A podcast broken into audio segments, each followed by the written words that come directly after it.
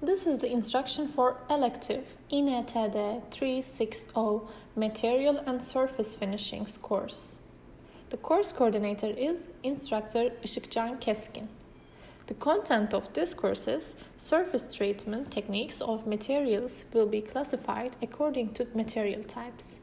The students will learn how to derive a unique material from a material, how to make physical changes in materials such as texture, color, etc., and the edge finishings of these materials in accordance with the interior architectural principles.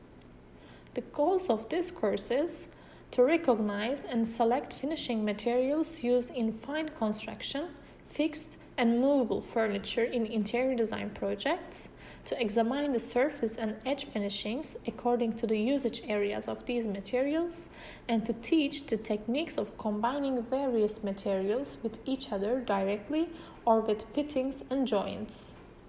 We wish you a successful semester. Good luck!